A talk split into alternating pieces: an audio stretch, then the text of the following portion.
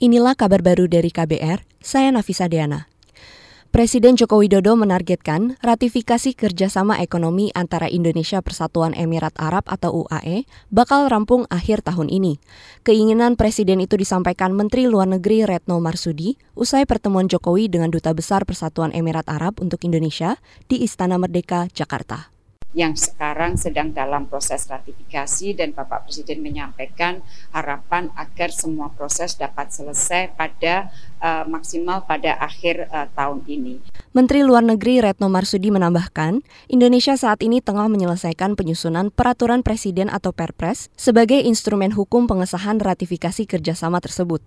Retno mengatakan, kerjasama ini diharapkan dapat memperkuat hubungan ekonomi antara kedua negara. Kita ke informasi ekonomi saudara.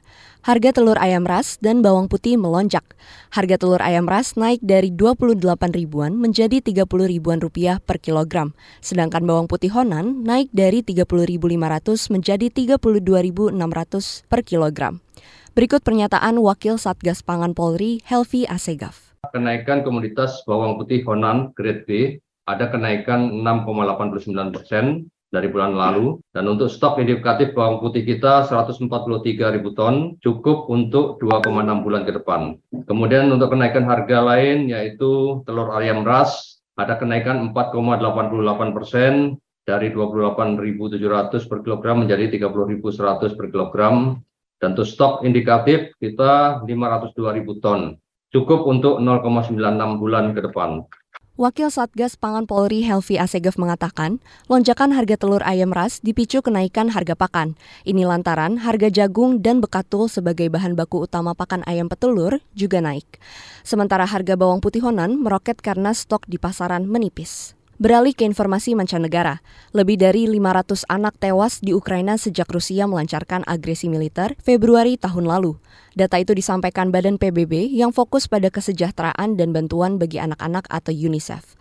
Dikutip dari Antara, Direktur Eksekutif UNICEF Catherine Russell mengatakan angka kematian itu kemungkinan lebih tinggi dari yang telah terverifikasi. Selain korban tewas, Russell juga menyebut hampir seribu anak terluka akibat perang. Kata dia, luka yang diderita sebagian anak bahkan bisa membekas seumur hidup. Russell mengatakan, saat ini para keluarga dan anak-anak di Ukraina membutuhkan kedamaian. Namun hal itu tak kunjung terjadi karena intensitas konflik antara Ukraina dan Rusia belum mereda. Akhir bulan lalu militer Rusia menggelar latihan besar-besaran menggunakan rudal nuklir balistik antar benua Yars dan mengerahkan ribuan pasukan. Rusia mengancam segala bentuk dukungan dari negara-negara barat untuk Ukraina bakal memicu konflik nuklir. Demikian kabar baru dari KBR, saya Nafisa Deana.